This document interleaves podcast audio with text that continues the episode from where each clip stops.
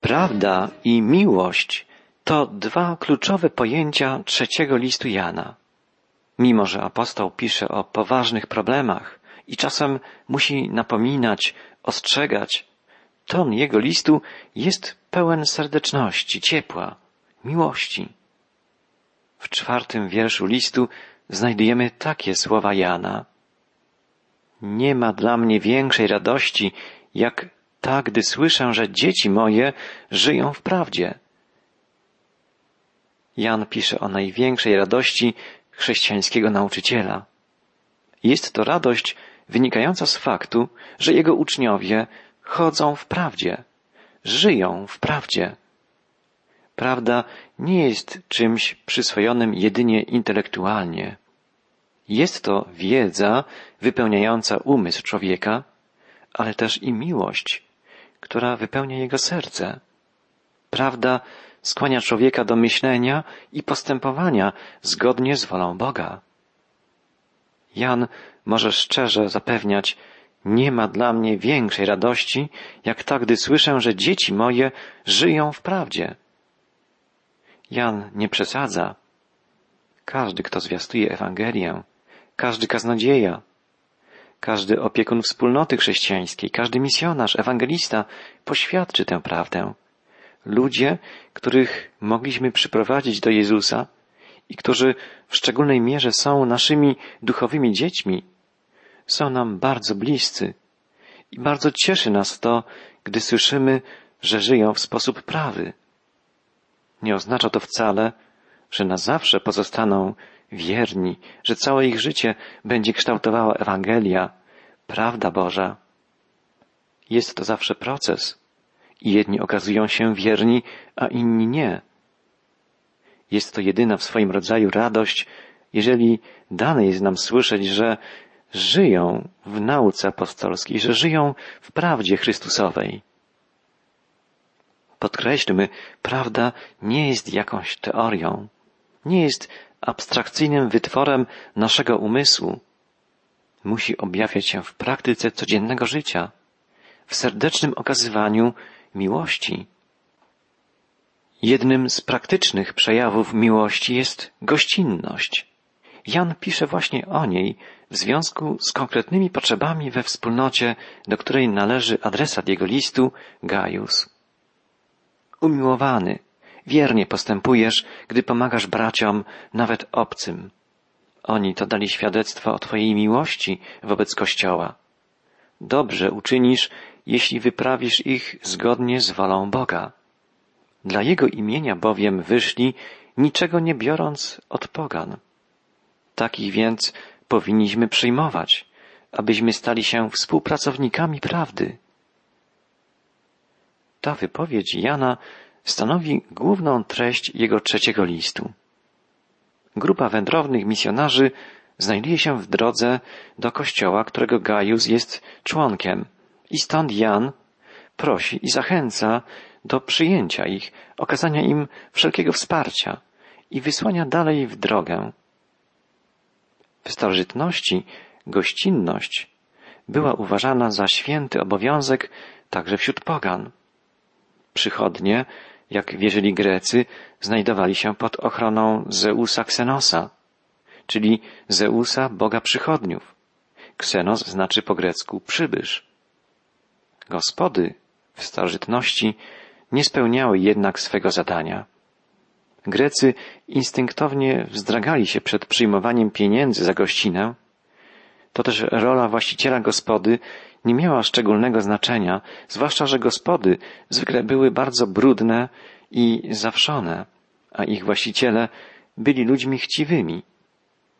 Platon porównał gospodarzy gospod do piratów, którzy traktują swoich gości jak zakładników, oczekując od nich okupu. W starożytnym świecie istniał system gościnnej przyjaźni niezależny od oficjalnych gospod. Przy jego pomocy rodziny w różnych częściach kraju zobowiązywały się okazywać sobie gościnność w razie potrzeby. Te kontakty rodzinne trwały przez wiele pokoleń. Zazwyczaj przybysz miał przy sobie tak zwany symbolon, czyli znak, przy pomocy którego gospodarz rozpoznawał go jako członka zaprzyjaźnionej rodziny. Niektóre miasta posiadały w większych ośrodkach handlowych swoich przedstawicieli, zwanych proxenos. Do takiego człowieka obywatele danych miast, będąc w podróży, mogli zwracać się z prośbą o udzielenie wszelakiej pomocy. Jeżeli pogański świat poczuwał się do obowiązku gościnności, to od chrześcijan należy oczekiwać jeszcze poważniejszego traktowania tej sprawy. I tak właśnie pisze Jan. Zwróćmy uwagę, że również inni apostołowie apelowali o gościnność. Na przykład Piotr zalecał w swym pierwszym liście okazujcie gościnność jedni drugim bez szemrania. Autor listu do Hebrajczyków apelował gościnności nie zapominajcie. Przez nią bowiem niektórzy, nie wiedząc o tym, aniołów gościli. Także apostoł Paweł zachęcał chrześcijan w Rzymie do okazywania gościnności. Gościnność miała być szczególną cechą przełożonych wspólnoty. Starszy, biskup musi być człowiekiem gościnnym, pisze apostoł w pierwszym liście do Tymoteusza. Tytus otrzymał nakaz praktykowania gościnności.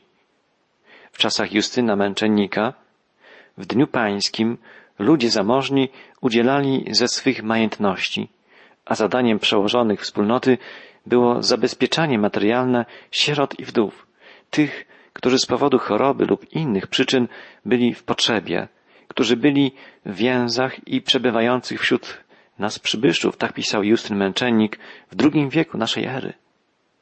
W pierwotnym kościele dom miał zawsze otwarte drzwi i był miejscem serdecznej gościnności. Przyjmowanie gości jest jednym z największych przywilejów chrześcijańskiego domu. Chrześcijański krąg rodzinny zawsze powinien być dość szeroki, by móc udzielić również miejsca przybyszowi bez względu na to, skąd przybywa i kim jest. Tradycyjny zwyczaj pozostawiania jednego miejsca przy stole wigilijnym dla niespodziewanego gościa nie wystarczy. Nasz dom powinien być otwarty dla potrzebujących zawsze, gdy jest to potrzebne. Jan pisze o misjonarzach, którzy zrezygnowali z własnych domów i wygód życia, by nieść Słowo Boże wszystkim potrzebującym. W wierszu siódmym czytamy, że wyruszyli oni dla imienia Jego, nic nie przyjmując od pogan, a więc wyruszyli dla imienia Chrystusa i nie brali żadnych zapłat od tych, których odwiedzali, którym służyli. W tej wypowiedzi Jan ma zapewne na myśli ludzi pochodzenia pogańskiego, którzy ze względu na swoją chrześcijańską wiarę zostawili dotychczasową pracę, swoje domy, przyjaciół i nie posiadali żadnego wsparcia materialnego. W starożytności dobrze znano pojęcie żebrzącego zakonnika. Na przykład istnieje taka wzmianka o pewnym człowieku nazywającym siebie niewolnikiem syryjskiej bogini który przechwalał się, że zawsze wracał do swojej bogini z przynajmniej siedmioma woreczkami pieniędzy. Wędrowni kaznodzieje chrześcijańscy niczego nie przyjmowali od pogan, nawet gdyby chcieli oni im coś dać. Jan zachęca Gajusa do okazania tym pionierom misji chrześcijańskiej szczególnej gościnności. Przyjmowanie ich w swoich domach, pomaganie im jest świadectwem społeczności w prawdzie, podkreśla Jan. Stajemy się współpracownikami prawdy. Jeden ze współczesnych myślicieli powiedział, jesteśmy zobowiązani do wspierania takich ludzi, żeby przez to okazać się sprzymierzeńcami prawdy. Jest w tym zawarta wielka myśl. Nieraz okoliczności nie pozwalają komuś stać się misjonarzem czy kaznodzieją. Życie wielu z nas tak się układa, że musimy pozostać przy swojej zawodowej pracy, mieszkać w jednym miejscu, wykonywać te same obowiązki. A jednak nasze pieniądze, nasze modlitwy, praktyczne poparcie może iść tam, dokąd my sami pójść nie możemy. Nie każdy może być na pierwszej linii misji ewangelizacyjnej. Jednak popierając tych, którzy tam są, możemy stać się współpracownikami prawdy. Jeśli o tym pamiętamy, nasze ofiary na rzecz sprawy Chrystusowej przestaną być uciążliwym obowiązkiem, staną się przywilejem i radością. Kościół potrzebuje misjonarzy, ale również potrzebuje tych, którzy będą sprzymierzeńcami misjonarzy, okazującymi im wszechstronnego wsparcia. Poprzez to wszyscy możemy stać się, jak pisze Jan, współpracownikami prawdy. Serdeczne więzi, gościnność, praktyczne okazywanie sobie pomocy, troski, sympatii potrzebne są nie tylko w relacjach z misjonarzami, ale są niezbędne także w normalnym, codziennym życiu każdej wspólnoty chrześcijańskiej. Bardzo ciekawe wyniki badań nad przyczynami rozwoju współczesnego chrześcijaństwa w różnych częściach świata podał w książce zatytułowanej Naturalny rozwój Kościoła Christian Schwarz. Po dokonaniu szeroko zakrojonych badań autor tej książki sformułował osiem głównych zasad rozwoju Kościoła. Jako jedną z najważniejszych wymienił tę, o której dzisiaj mówimy. Potrzebę utrzymywania serdecznych relacji. Autor badań pisze, zadajemy pytania, które pozwalają ocenić, jak serdeczne są relacje między członkami Kościoła. Pytamy na przykład, ile czasu chrześcijanie spędzają ze sobą poza spotkaniami organizowanymi przez Kościół. Jak często zapraszają jedni drugich na obiad, kolację albo kawę czy herbatę. Jak często można w kościele usłyszeć komplementy. Czy ksiądz lub pastor znają osobiste problemy osób należących do wspólnoty? Jak często można w kościele usłyszeć śmiech? Wszystkie te kwestie, okazuje się, mają silny związek ze wzrostem Kościoła. Okazały się nawet ważniejsze niż wiele metod, których opisy wypełniają książki poświęcone wzrostowi Kościoła. Niekłamana, praktyczna miłość daje Kościołowi o wiele większą moc niż wszelkie metody, nawet bardzo wymyślne, bardzo mądre. Stosowanie metod w Kościele można co najwyżej porównać do sztucznych kwiatów. Wyglądają niemal jak żywe, ale wcale nie pachną. Natomiast prawdziwa miłość rozprzestrzenia ową tajemniczą woń, której nie sposób się oprzeć. Myślę, że wszyscy zgadzamy się z tą opinią. Widzimy potrzebę utrzymywania serdecznych relacji pomiędzy ludźmi kochającymi Chrystusa. Każdy z nas potrzebuje takich relacji. Gdy ich brak, czujemy się osamotnieni, osłabieni i nie jesteśmy w stanie żyć i działać tak, by nasz Kościół się rozwijał. Warto przy tej okazji wspomnieć krótko o siedmiu pozostałych zasadach rozwoju Kościoła, sformułowanych po szerokich badaniach wspólnot różnych wyznań chrześcijańskich. Pierwsza cecha to umacniające przywództwo. Nie mocne, lecz umacniające przywództwo. Mocne przywództwo mogłoby oznaczać, że w Kościele potrzebny jest jeden inteligentny, utalentowany przywódca, posiadający wielką wizję. Potrzebuje on jedynie, by ochotnicy pomogli mu wcielić ją w życie. Poza kręgami chrześcijańskimi koncepcja ta nosi nazwę przywódca guru, ale podobny model można spotkać także w kościołach chrześcijańskich. Niektórzy uważają ten model za szczególnie skuteczny. Przywódca guru, jego wielka wizja, Potrzeba tylko oddziałów ochotników, którzy z oddaniem służą silnym przywódcom i pomagają realizować ich wizję. Ale badania dowodzą, że nic nie jest dalsze od prawdy. Przywódcy rosnących kościołów nie próbują zagarniać władzy, żeby umacniać swoją pozycję. Wręcz przeciwnie, uważają, że ich najważniejszym zadaniem jest pomaganie chrześcijanom w rozwijaniu swoich zdolności, tych, którymi Bóg obdarzył każdego zgodnie ze swoim planem. Wspierają więc wyposażają, motywują i pomagają innym stać się ludźmi, jakimi Bóg chce, aby byli. Niektórzy chrześcijanie mogą nawet wybrać zupełnie inną drogę niż ich przywódca. Ale umacniający przywódca z całego serca będzie wspierał takie osoby, ponieważ wie, że Bóg ma dla każdego szczególne zadanie. Przywódcy rosnących kościołów nie muszą być supergwiazdami.